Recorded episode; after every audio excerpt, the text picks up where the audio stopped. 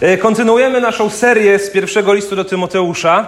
E, zaczęliśmy dwa tygodnie temu. Tam z tyłu przy wyjściu są takie właśnie zaproszenia, czy takie ulotki informujące o serii kazań z pierwszego listu do Tymoteusza, gdzie wersetem przewodnim jest jak sobie radzić w domu Bożym, który jest kościołem żywego Boga, filarem i podwaliną prawdy. E, tutaj jest opis e, tych, tych kazań, rozpiska na, e, na, na te tygodnie w przód i jakie fragmenty będą omawiane. Zachęcam, już o tym mówiliśmy wcześniej, ale chcę to powtórzyć, zachęcam do, do zabrania tego ze sobą, może wręczenia komuś, zachęcenia, zaproszenia na nabożeństwo, czy nawet do zaproszenia do, do bycia z nami przez internet. Te wszystkie kazania są na bieżąco też publikowane w internecie, na Spotify'u czy na iTunesie, można sobie ich odsłuchać. No właśnie, ale odwiedzić naszą stronę internetową, zobaczyć jak to funkcjonuje. Ten kanał internetowy, czy kanały internetowe są takim dzisiaj miejscem, gdzie właśnie ludzi spotykamy z różnych miejsc i z różnych e, części nawet świata i rzeczywiście dobrze jest tam być i dobrze jest mądrze z tego korzystać, więc zachęcam do tego, aby tym się dzielić. Mamy chyba wszyscy coś takiego, że jeśli mamy jakieś silne uczucie, silne wspomnienie z czymś związane, nawet jeśli to się wydarzyło wiele lat temu, to kiedy y, dzieje się coś podobnego, nagle nam się przypomina to, jak myśmy byli w tej sytuacji. Na przykład mam na myśli to, gdy y, jestem na czyimś ślubie. Jak jestem na czyimś ślubie, zawsze myślę o swoim ślubie. To znaczy, cieszę się, że tam jestem, ale przypomina mi się dzień mojego ślubu. Emocje, jakie z tym były związane. To, jak wyglądała kaplica, to jak wyglądała panna młoda, y, jacy goście byli. No, po prostu samo to przychodzi na myśl. Nie trzeba y, się nad tym wysilać.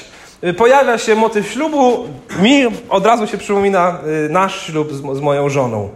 Albo jak się zaczyna maj, i zaczyna się pojawiać mowa o tym, że wystartowały egzaminy maturalne. Dzisiaj matura z języka polskiego. Nie wiem, jak wy macie, natychmiastowo mi się przypomina moja matura z języka polskiego. I pamiętam, jak siedziałem na sali gimnastycznej w ławce cały zestresowany i czekałem, aż do, przyjdzie ten arkusz. Jak go odbierałem, to mi się całe ręce trzęsły na, takie, na tyle miałem silne emocje z tym związane, że jak tylko słyszę hasło matura z języka polskiego, natychmiastowo mi się przypomina moja matura z języka polskiego. Więc są pewne silne emocje, pozytywne i negatywne. Ta z maturą jest może bardziej negatywna, ta ze ślubem jest pozytywna i kiedy coś się podobnego dzieje, natychmiast mamy coś takiego, co się ładnie nazywa flashback, czyli takie wspomnienie z przeszłości, które, yy, które właśnie zaczyna gdzieś tam w nas działać. I podobna rzecz wydarzyła się we fragmencie, który będziemy dzisiaj czytać. Podobna rzecz wydarzyła się z apostołem Pawłem. E, będziemy dzisiaj czytać fragment z pierwszego listu do Tymoteusza, pierwszego rozdziału, wersety 12 do 20, ale zanim je przeczytamy, chcę nam jeszcze przypomnieć to, o czym mówił Kola w zeszłym tygodniu.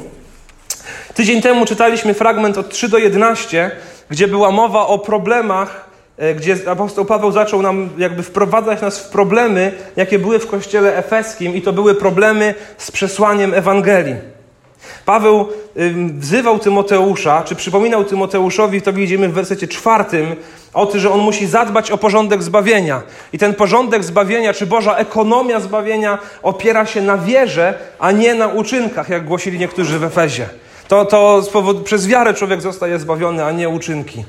Dalej czytaliśmy o tym, że ci, którzy tam wprowadzali jakieś fałszywe nauki, nie rozumieli dobrze zastosowania prawa, tego prawa mojżeszowego czy starotestamentowego.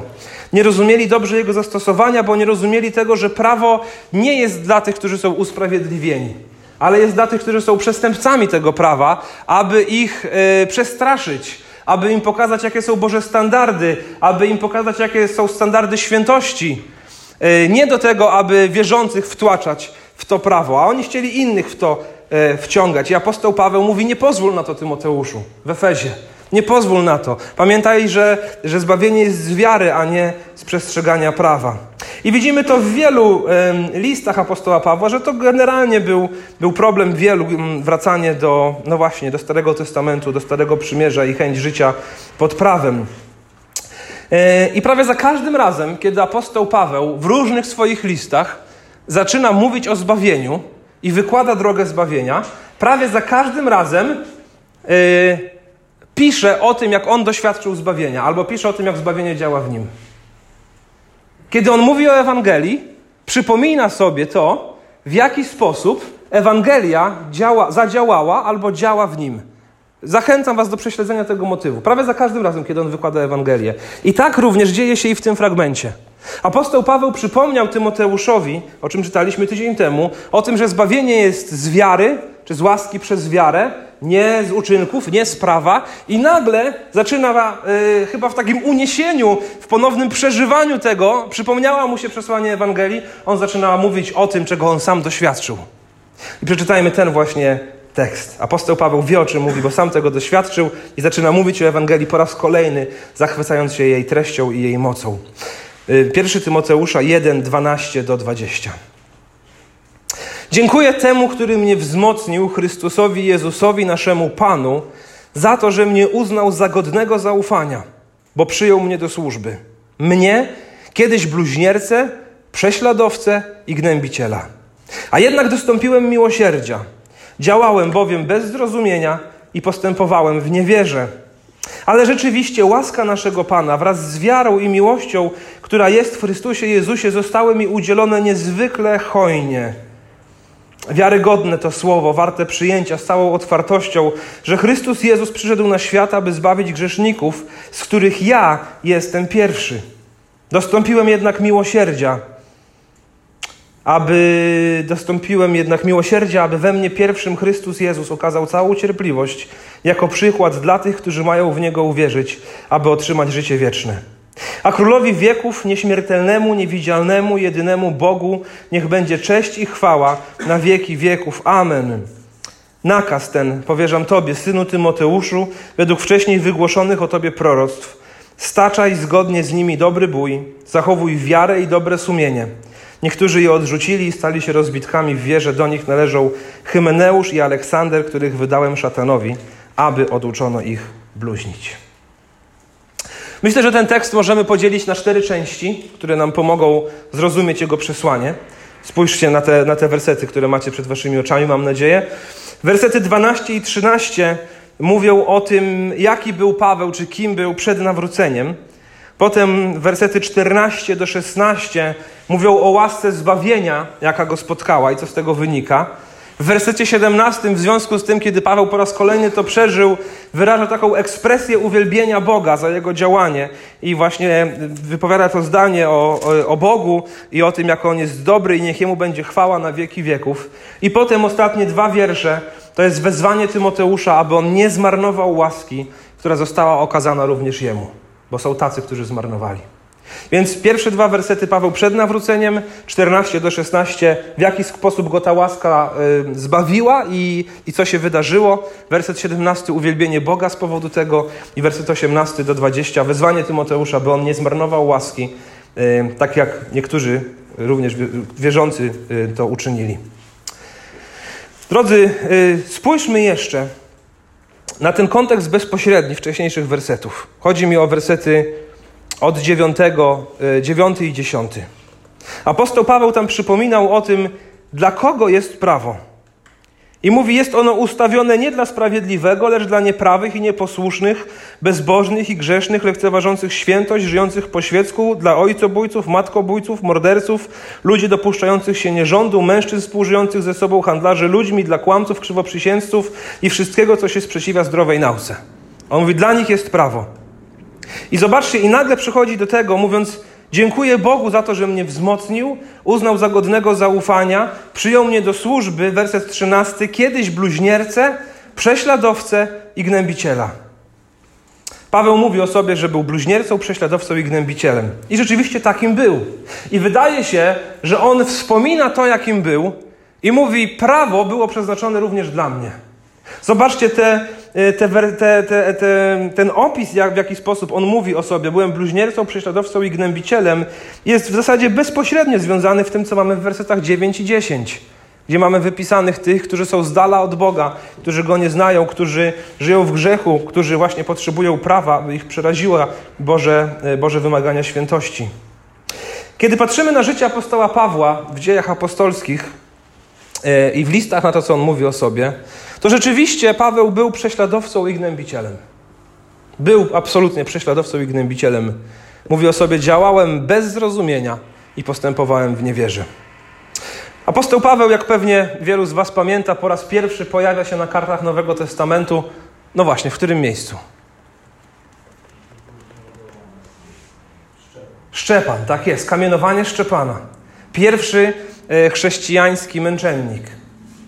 Ten, który był bogobojny, sprawiedliwy, był wybrany na diakona, był pełen Ducha Świętego, był jednym z przywódców kościoła w Jerozolimie e, i został on złapany przez Sanhedryn, postawiony przed sądem, fałszywie oskarżony, wygłosił dla nich niesamowite kazanie, przechodząc przez cały Stary Testament, wskazując na Chrystusa i potem mówi, widzę Chrystusa, tam miał tą wizję taką, takie widzenie tego, że Chrystus jest w niebie i nad tym wszystkim czuwa i ludzie zaczęli rozdzierać szaty faryzeusza, a wśród nich na pewno był i Paweł. Myślę, że też tę szatę rozerwał. I potem czytamy, że zaczęli składać szaty, kiedy kamienowali Szczepana, czyli po prostu mordowali go, rzucając w niego kamieniami. Składali szaty u stóp młodzieńca, który się nazywał Saul. To właśnie Paweł. Paweł był tym, który uczestniczył w zamordowaniu jednego z najbardziej bogobojnych ludzi pierwszego kościoła w Jerozolimie. A potem w swojej gorliwości religijnej poszedł o wiele dalej. Był tym, który przyłożył rękę do tego, aby, czy przykładał rękę, a z radością nawet to prowadził, aby ścigać chrześcijan po różnych miastach. Tak też wtedy jechał do Damaszku. Z jakimiś innymi zbirami na, jechali do Damaszku, aby tam znaleźć chrześcijan, wyciągać ich z synagogi, związać, solidnie pewnie dać im też jakiegoś solidnego kopa, pobić, dowieść do Jerozolimy i również z przyjemnością skazać, najlepiej ukamienować. Taki był Paweł. Był tym, który, któremu przyjemność sprawiało to, aby dosłownie urządzać polowania na ludzi, ścigać ich, wiązać i wywozić. Pamiętacie słowa Jezusa w Ewangelii Jana 16 rozdziale, kiedy Jezus przestrzegał swoich uczniów o, o, o tym, co będzie po Jego e, odejściu, po Jego wniebowstąpieniu? Jana 16,2 Jezus powiedział: Będą was wyłączać z synagog, Nadchodzi nawet dzień, gdy każdy, kto was zabije, będzie przekonany, że przez to służy Bogu. Oni tego doświadczali, ci pierwsi chrześcijanie, i apostoł Paweł był tym, na którym tak naprawdę ten werset się wypełnia. On był tym, który wypędzał ludzi z synagog, yy, który zabijał i był przekonany, że przez to służy Bogu. Jezus tak naprawdę mówił między innymi o apostole Pawle. Taki on był. I jednocześnie on nie był, pamiętajmy o tym, płatnym zabójcą. On nie był jakimś, e, nie wiem co, zwyrodnialcem, który miał potrzebę zabijania czy torturowania. On to wszystko robił z powodu swojej gorliwości. Był przekonany, że, tak, że to jest słuszne, co on robi, że robi to dla Boga. Dlatego w wersecie 13 tego fragmentu, który czytamy, mówi: Działałem bez zrozumienia i postępowałem w niewierze. Działałem bez zrozumienia i postępowałem w niewierze. Działałem bez zrozumienia, myślę, że, że, że to rozumiemy, to nie bez zrozumienia. W sensie nie miał odpowiedniego poznania, miał, miał fałszywy ogląd sytuacji, ale zobaczcie, ciekawe jest, że on mówi: Postępowałem w niewierze. Jak to w niewierze? Przecież Paweł był bardzo gorliwie wierzącym człowiekiem. Gdyby go spotkać na ulicy i zapytać, czy on wierzy w Boga, on by powiedział, absolutnie wierzę w Boga. Dla Boga jeżdżę przez świat i łapię ludzi, którzy y, wedle mojego zrozumienia źle tego Boga czczą. Wedle ludzkich standardów Paweł był jednym z najbardziej wierzących w tamtych czasach. I on nie był wierzący wcale w jakiegoś Zeusa czy fałszywe bóstwo. On przecież był wierzący w Boga, o którym czytał tak samo jak my w Starym Testamencie. Ale mówi, działałem bez zrozumienia. Więc chociaż to było bardzo gorliwe, było jego życie, to tak naprawdę nie miało nic wspólnego z prawdziwą wiarą. Tak naprawdę, chociaż on miał ogromną gorliwość w jakiejś wierze, to to nie była prawdziwa wiara.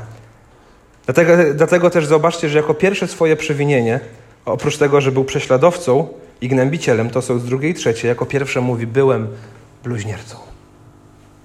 Ja nie rozumiałem tego, co robiłem, co mówiłem o Bogu, ja nie, nie mówiłem prawdy o nim i nie działałem zgodnie z prawdą o nim. Chociaż był w tym bardzo gorliwy. W liście do Rzymian, 10 rozdziale, w wersetach drugim i trzecim, apostoł Paweł tak podsumuje wierzenia Izraelitów, takich jak on przed nawróceniem. Mówi tak. Rzymian 10, 2, 3.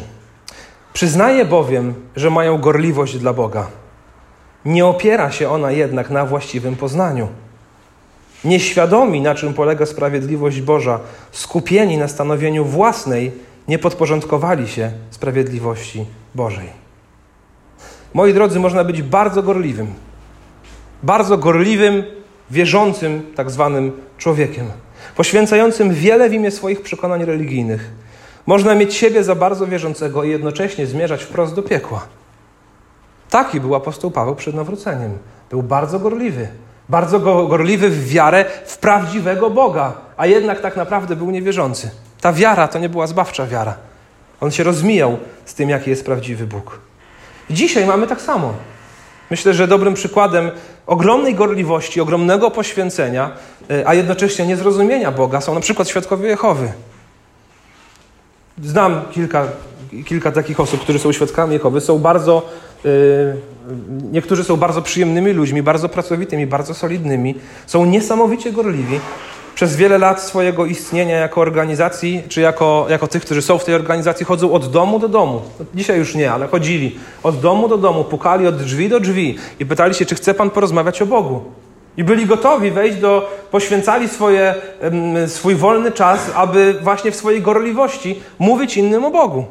Nakładali na siebie ogromne jarzmo, często związane z życiem w tej organizacji. Byli przepędzani przez wielu, wyzywani, mnóstwo obelg przecież leci po dziś dzień ich stronę nawet wtedy, kiedy teraz stoją gdzieś po prostu na rogach i, i innych nie zaczepiają, to jednak wciąż są bardzo niemile widziani. Są trzecią siłą religijną w Polsce. Po rzymskim katolicyzmie i prawosławie są świadkowie Jehowy, mają wciąż ponad 100 tysięcy wyznawców. Gdybyśmy my byli tak gorliwi, jak świadkowie Jehowy, kto wie, ile zborów byłoby w Polsce. A jednak cóż z tej gorliwości, skoro ich system religijny opiera się ostatecznie na przestrzeganiu prawa i nie znają oni w ogóle łaski Bożej, ani prawdziwej wiary. Bardzo gorliwi. W tego sam, czytając Biblię zmienioną w niektórych miejscach, ale w 90 iluś procentach ten sam tekst. Niesamowicie gorliwi, dużo bardziej podejrzewam niż my wszyscy z nas, chociaż nie chcę nikomu, nikomu nie przymierzając. A jednak zmierzający na potępienie. I na tym polega cały ten paradoks, że apostoł Paweł był bardzo wierzący, a jednak to nie była wiara prowadząca do zbawienia. To nie była wiara, to była wiara źle ukierunkowana. Werset 13 działałem bez zrozumienia. Zobaczcie, wielu ludzi dzisiaj mówi, no najważniejsze to jest w coś wierzyć. Spotkaliście się z takimi głosami? Kiedy jest mowa o religijności, no najważniejsze jest w coś wierzyć. Nieprawda. Bo można wierzyć w mnóstwo rzeczy, które są kompletnie nieprawdziwe, które kompletnie człowieka nie uratują od wiecznego potępienia. To nie jest najważniejsze, aby w coś wierzyć. Najważniejsze jest to, aby wierzyć w Jezusa Chrystusa, jedynego Zbawiciela, Jego, Jego Ojca, który jest w niebie i nad wszystkim panuje, w Ducha, który został posłany, aby nas prowadzić. Nie chodzi o to, aby jakoś wierzyć. Chodzi o to, aby prawdziwie wierzyć. Wiara, która jest działaniem bez zrozumienia, tak naprawdę staje się bluźnierstwem. Apostoł Paweł mówi: Ja byłem bluźniercą, chociaż był bardzo wierzący i bardzo gorliwy. I wierzę, że zrozumienie właśnie, um, właśnie tej rzeczywistości, rzeczywistości tego, że człowiek y, sam z siebie nie jest w stanie dojść do Boga, bo to był problem prawa. Ludzie mówili, przestrzegajcie prawa, aby się przypodobać Bogu. Paweł mówi, ja tak wierzyłem, byłem bluźniercą, to tak nie działa. Do tego byłem prześladowcą, gnębicielem, jak, jak ci ludzie wymienieni w wersecie 9 i 10 zasługiwałem na potępienie, a jednak Chrystus mnie zbawił. Wierzę, że zrozumienie tej rzeczywistości, że nie, nie da się zrobić nic, aby zasłużyć na zbawienie, jest tym, co odróżnia prawdziwe biblijne chrześcijaństwo od każdej innej religii na świecie. Każdej innej religii na świecie. Zbadałem w swoim życiu mniej lub bardziej dogłębnie mm, wiele systemów religijnych. E, interesując się nimi i sprawdzając, na czym one polegają. Wszystkie, które sprawdziłem, islam, judaizm, religie Dalekiego i Bliskiego Wschodu, różne odcienie bardzo szeroko pojętego chrześcijaństwa, które w moim przekonaniu nie jest chrześcijaństwem, wszystkie te systemy religijne łączy jedna rzecz. Następująca. To jest lista rzeczy, które trzeba robić, żeby się Bogu przypodobać, i to jest lista rzeczy, których nie należy robić, aby Boga nie, nie zdenerwować. Przestrzegaj tych rzeczy, tych się wystrzegaj, a na końcu Bóg wyda jakiś wyrok. Jak będzie więcej tych tutaj z tej strony, to lepiej dla ciebie. Wszystkie religie świata ostatecznie sprowadzają się do tego. To, to bóstwo może mieć różne imiona, może, może, może mieć różne atrybuty, ale ostatecznie wszystko się sprowadza do tego samego. To jest lista rzeczy, które trzeba robić, to jest lista rzeczy, których nie wolno robić. I się wpasuj w to człowieku. Prawdziwe chrześcijaństwo jednak polega na tym, że człowiek, wedle tego, co mówi Biblia, nie może zrobić nic, aby się Bogu przypodobać. Że jest tak dogłębnie zniszczony grzechem, tak dogłębnie zdeprawowany, że nie ma niczego, co mógłby uczynić, aby swój grzech przykryć przed Bogiem. Ten grzech musi ktoś przyjść i wymazać, i wyczyścić z zewnątrz, bo ten człowiek, choćby chciał robić nie wiadomo jak gorliwe rzeczy, tak naprawdę dla Boga one niewiele znaczą, jeśli nie są wykonywane zgodnie z Jego wolą, nie są dedykowane prawdziwemu Bogu i przede wszystkim, jeśli nie są zakorzenione w Jezusie Chrystusie. Na tym, na tych dwóch listach polega na, robienia i nierobienia czegoś. Na tym polega islam, na tym polega judaizm, na tym polegają świadkowie Jehowy. Zasadzie każda religia panteistyczna, jak już mówiłem, dalekiego, Bliskiego Wschodu, niestety wierzy w to ogromna część naszych przyjaciół z Kościoła rzymskokatolickiego. Na tym polega prawosławie, że człowiek musi się przebóstwić. Musisz człowieku się wystarać, aby się przebóstwić, aby się stać lepszym. To jest wspólna cecha wszystkich religii tego świata, które wierzą, wierzę, że jeśli w taki sposób ludzie w nich trwią, to nie znają prawdziwego Boga i prawdziwego zbawienia. Paweł mówi, byłem bardzo wierzący i bardzo gorliwy. I tak naprawdę byłem bluźniercą, prześladowcą, działałem bez zrozumienia i postępowałem w niewierze. Biblia mówi, że pierwsze, co człowiek musi zrobić, to pojąć, zrozumieć, że jest zatracony w swojej grzeszności. Zatracony w swojej grzeszności. Nie może zrobić nic, aby skłonić Boga do tego, by ten spojrzał na niego z jakimś szacunkiem. Jak mówi księga Izajasza 64:6, nasza sprawiedliwość jest jak bielizna zabrudzona krwią.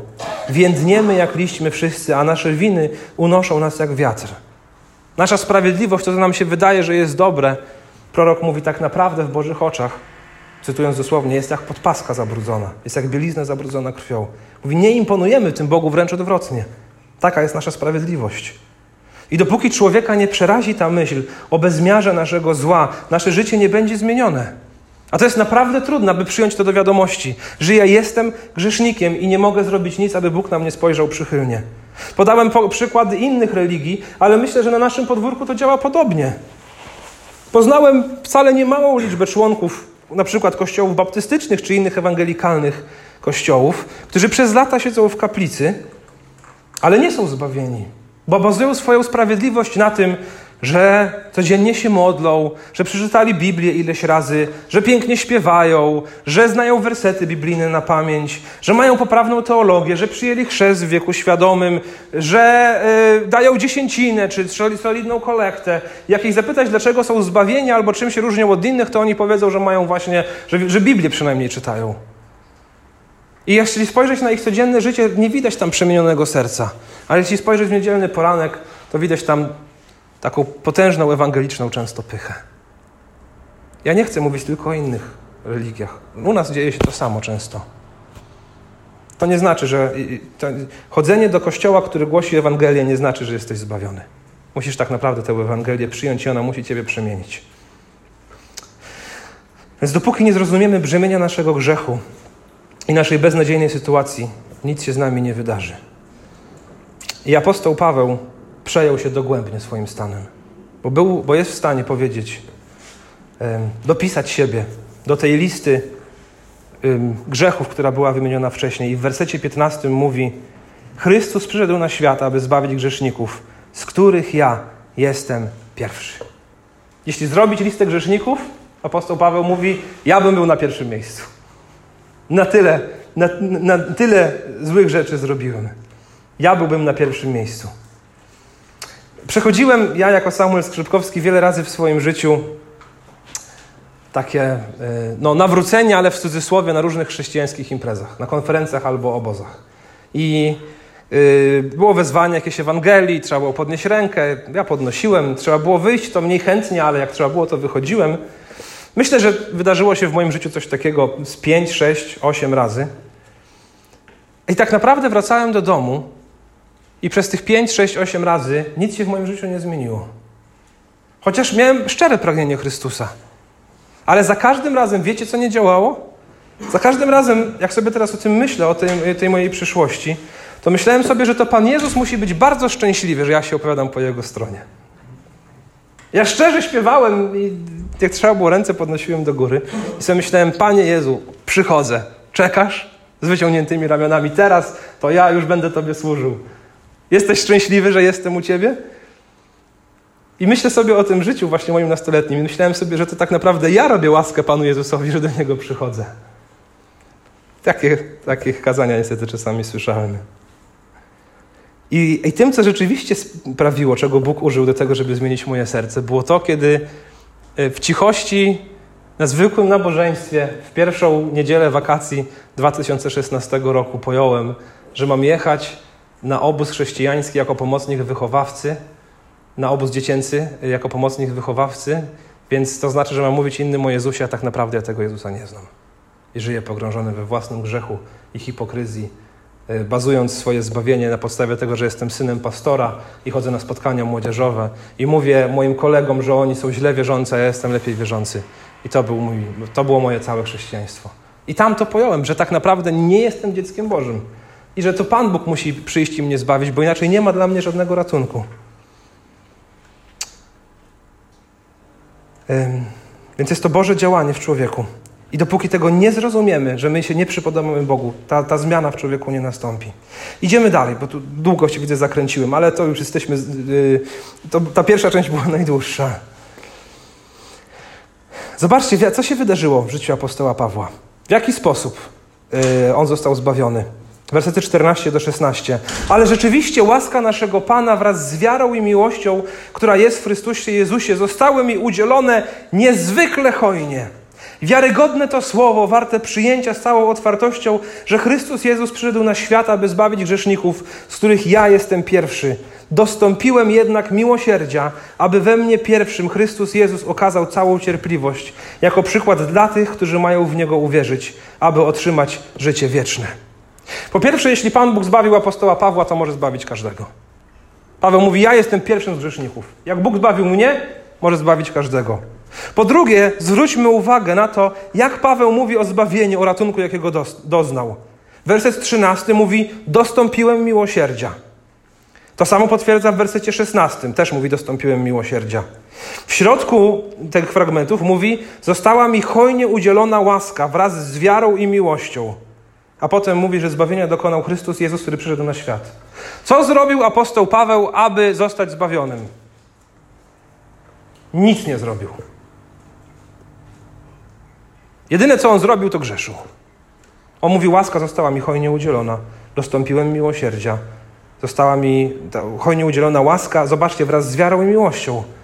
Nie ma choćby najmniejszego, ani jednej rzeczy, najmniejszego procenta czy promila, gdzie on mógłby powiedzieć, no jest to moja zasługa. Jezus zrobił prawie wszystko, ale ja dopełniłem dzieła. Nie. On mówi, wszystko to, co mnie spotkało, jest wynikiem łaski Bożej. Tak naprawdę jedyne, co my dodajemy naszego zbawienia, to jest nasz grzech. Wszystko inne jest wynikiem łaski Bożej. I dosyć regularnie, kiedy rozmawiam z różnymi ludźmi, zadaję ludziom pytanie: Gdybyś dzisiaj umarł, co byś powiedział Bogu, aby cię wpuścił do nieba? Zadałem je niektórym z Was tutaj siedzących. Gdybyś dzisiaj umarł, co byś powiedział, co byś powiedziała Bogu, aby cię wpuścił do nieba? To jest takie moje ulubione pytanie, które pokazuje właśnie myślenie człowieka. I większość ludzi mówi, no powiedziałbym, że starałem się żyć zgodnie z tym, y, co mówi dziesięć przykazań. Albo no byłem dobrym człowiekiem. Albo przestrzegałem Bożego Słowa. Albo pewien starszy człowiek, wieloletni członek Kościoła Baptystów mówi, no yy, mam dobrą teologię, przynajmniej nie czczę tam Maryi czy kogoś innego. Jak pada taka odpowiedź, ja zrobiłem to i to i to powiem Bogu, abym wpuścił do nieba, to w zasadzie jestem, jest to za, prawie zawsze jasne, że ten człowiek nie ma pojęcia o zbawieniu. Znacznie bliżej są ci, którzy odpowiadają na to pytanie, co zrobisz, aby powiesz Bogu, aby cię wpuścił do nieba, którzy mówią, uwierzyłem Jezusowi. To już jest bliżej. Ale tak naprawdę to wciąż nie jest dobra odpowiedź. Bo to jest wciąż przypisywanie sobie czegoś. To jest to, że Jezus zrobił dużo, no i teraz właśnie, tak jak ja miałem myślenie w wieku nastoletnim, On musi być szczęśliwy, że ja Jemu uwierzyłem. Tak naprawdę myślę, że jedyną dobrą odpowiedzią na pytanie, co powiesz Bogu, aby Cię wpuścił do nieba, na jakiej podstawie możesz być zbawiony? Jeśli ta odpowiedź zaczyna się od słowa ja, to to zawsze będzie zła odpowiedź. Cokolwiek by tam było powiedziane. Jedyna dobra odpowiedź, jaka jest, myślę, że brzmi podobnie. Brzmi podobnie do tego, co powiem. Na jakiej podstawie możesz być zbawiony i co powiesz Bogu, żeby cię wpuścił do nieba?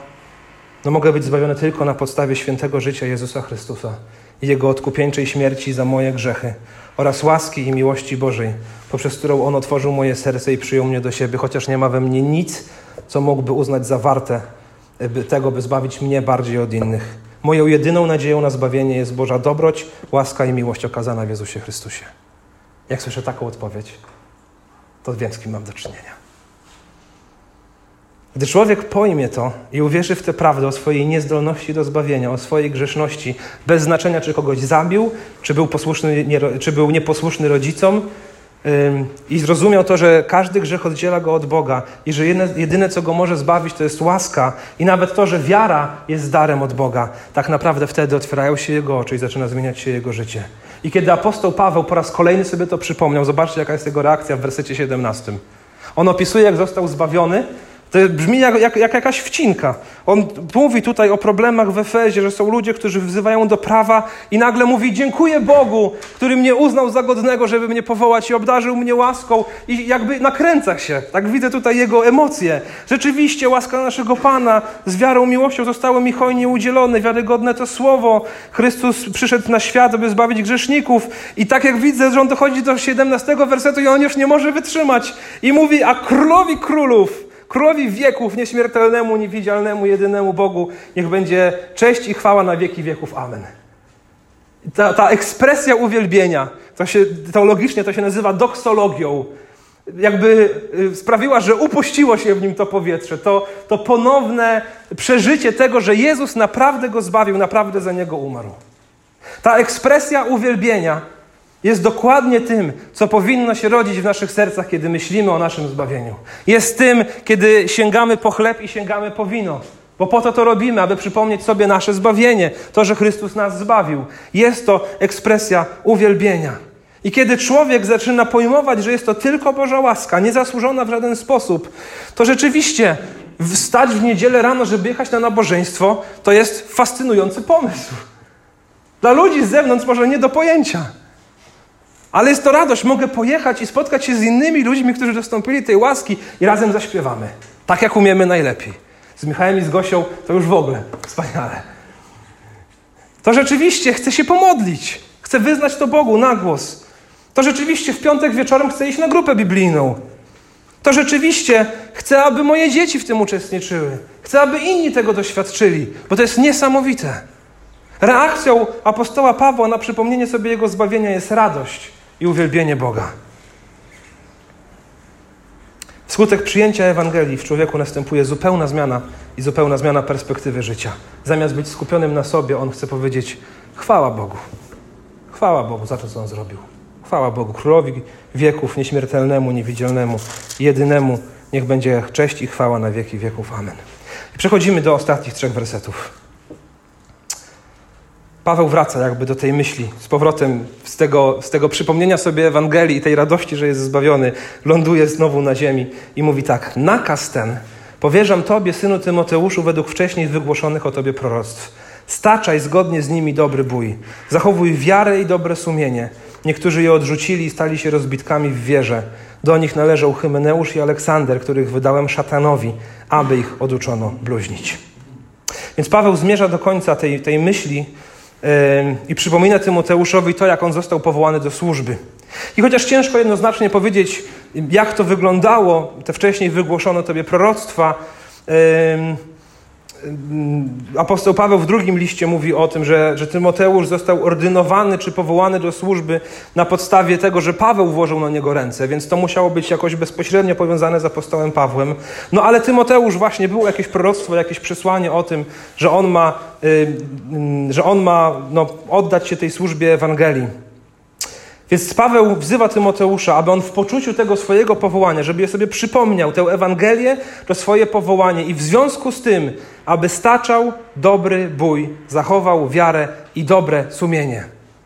Zachowaj wiarę i dobre sumienie. Prawdziwa wiara jest nierozłączna z dobrym sumieniem. Prawdziwa wiara jest nierozłączna z dobrym sumieniem, czyli z życiem posłusznym Bogu, z uświęceniem, z życiem, które jest zgodne z Bożą wolą. Nie da się mówić, że ja jestem wierzący i żyć nie po Bożemu. Nie da się. Prawdziwa wiara nie rodzi się z uczynków, ale owocem prawdziwej wiary są Boże uczynki. Zobaczcie, co mówi kolejne zdanie. Niektórzy je odrzucili. Co odrzucili? No to dobre sumienie odrzucili. I w związku z tym co? Stali się rozbitkami w wierze. Ci, którzy odrzucili dobre sumienie, życie zgodne z Bożą wolą, stali się rozbitkami w wierze. Zostali uznani za niewierzących. Ten problem zawsze istniał w Kościele i istnieje po dziś dzień. Mamy ludzi, którzy mówią, że są wierzący, którzy śpiewają pieśni, którzy modlą się, którzy czytają Biblię, a potem wracają do swoich domów i żyją w grzechu. To, że oni przed chwilą czytali Biblię i śpiewali, niczego nie zmienia. I żyją w grzechu. Mówię tu o, o, o, e, o seksie przedmałżeńskim, mówię tu o oszustwach podatkowych, mówię tu o zdradach małżeńskich, mówię tu o życiu w uzależnieniu, mówię tu o świadomym życiu w grzechu, nie o jednorazowych upadkach, ale stałym oddawaniu się tego, nie o zmaganiach z grzechem, ale z pozwalaniem sobie na to, aby grzech panował w naszym życiu. Nie da się mówić, jestem wierzący i nie walczyć o dobre sumienie. W pierwszym Tesaloniczan 4, 3, 8 apostoł Paweł napisał tak. Wolą Bożą jest wasze uświęcenie. Powstrzymywanie się od nierządu. Każdy z Was powinien wiedzieć, w jaki sposób dbać o świętość i o godność w swoim pożyciu. Nie ulegać namiętnościom, jak poganie, którzy Boga nie poznali.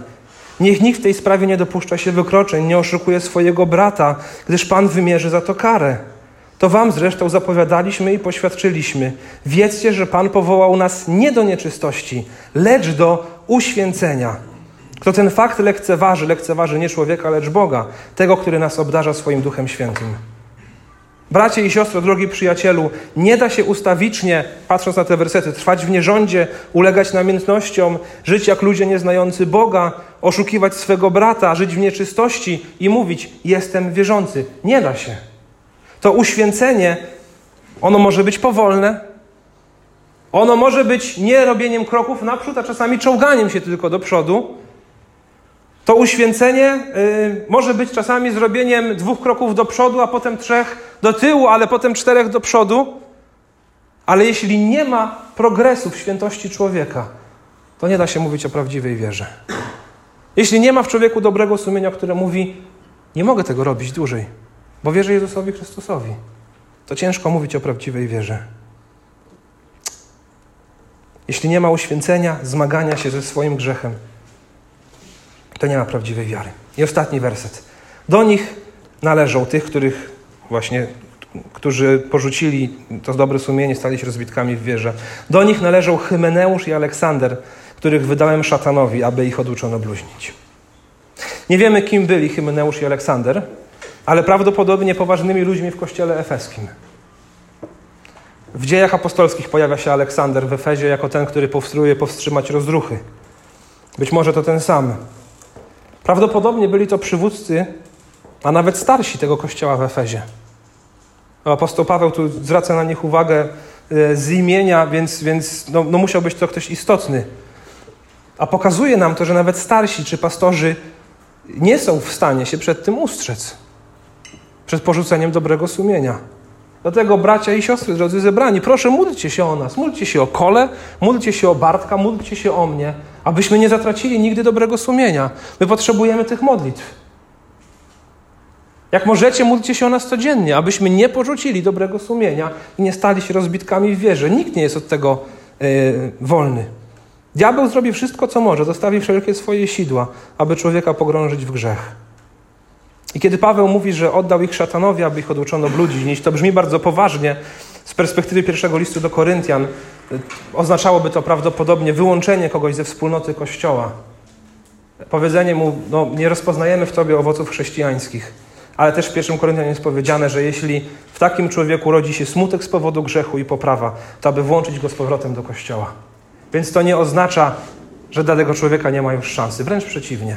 Kościół powinien na to mądrze odpowiedzieć aby, aby, tego, e, aby tego właśnie człowieka oduczono bluźnić, więc on może wrócić, kiedy przestanie bluźnić. Taka, takie jest zadanie dyscypliny kościelnej. Więc drodzy, kończąc, po pierwsze, skoro Bóg zbawił Pawła, może zbawić każdego. Jeśli zbawił Ciebie, doświadczyłeś tego zbawienia, to zachęcam Cię, regularnie to celebruj.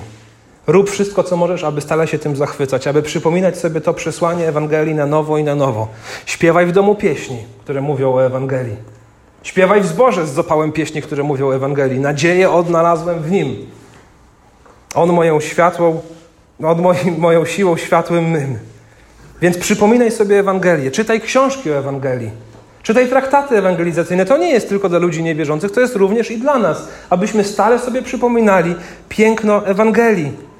Przygotuj się na wieczerzę pańską. Następna będzie pierwszą niedzielę listopada. Przygotuj się do tego odpowiednio, aby rzeczywiście nie tylko w pewnym patosie celebrować wieczerzę pańską, ale też z radością sięgać po chleb i wino, wyznając: Panie, uratowałeś mnie. Pamiętajmy o tym, że zbawienie jest tylko i wyłącznie zasługą Boga. Jest wynikiem Jego łaski. My nic do Niego nie dodajemy. Przeto bądźmy ostrożni, aby tej łaski nie zmarnować. Bo po to myślę, że został napisany ten tekst. Paweł mówi: Staczaj, mądrze, dobry bój. Nie zgub dobrego sumienia, nie stań się rozbitkiem w wierze. Nie zmarnujmy tej łaski. Jeśli nie jesteś chrześcijaninem, jeśli może nie masz prawdziwej wiary, to wiedz, że Bóg może zbawić każdego, może zbawić również i ciebie. Przyjdź do Niego dzisiaj w modlitwie. Powiesz Mu, wyznaj Mu swoje grzechy. Powiedz, że pragniesz, aby On uczynił Ciebie swoim dzieckiem, a następnie powstań z kolan, dołącz do Kościoła, przyjmij chrzest i naśladuj swojego mistrza do końca swojego życia. Jeśli Bóg zbawił Pawła, może zbawić każdego. Pamiętajmy też, że prawdziwa wiara jest połączona z dobrym sumieniem, jest połączona z uświęceniem. Dbajmy o to uświęcenie, módlmy się o to uświęcenie dla nas i módlmy się o to uświęcenie w życiu innych ludzi. Bądźmy świadomi, że wiara idzie w parze z dobrym sumieniem. I myślę, że wszystkie te wersety można podsumować następująco. Paweł mówi Tymoteuszowi o swoim życiu przed nawróceniem i mówi o tym, jak został zbawiony, uwielbia za to Boga i wzywa Tymoteusza, by on nie zmarnował łaski okazanej jemu. I myślę, że tym, jak Tymoteusz miał na to zareagować, na te słowa, jest to, aby staczał dobry bój, zachował wiarę i dobre sumienie. Bracia i siostry, drodzy przyjaciele, zachęcam Was do tego samego. Staczajmy dobry bój, zachowujmy wiarę i dobre sumienie, świadomi łaski Bożej, miłości Bożej, dobroci Bożej, tego, że On spojrzał na nas grzesznych i wratował nas dla nas, dla, dla siebie i dla, dla swojej chwały i dla naszej radości. Staczajmy dobry bój. To nie jest łatwe, to nie jest proste, to jest bój, to jest wojna. Staczajmy je mądrze, wdzięczni Bogu, zachowując wiarę i dobre sumienie. Tego życzę sobie i Wam. Amen.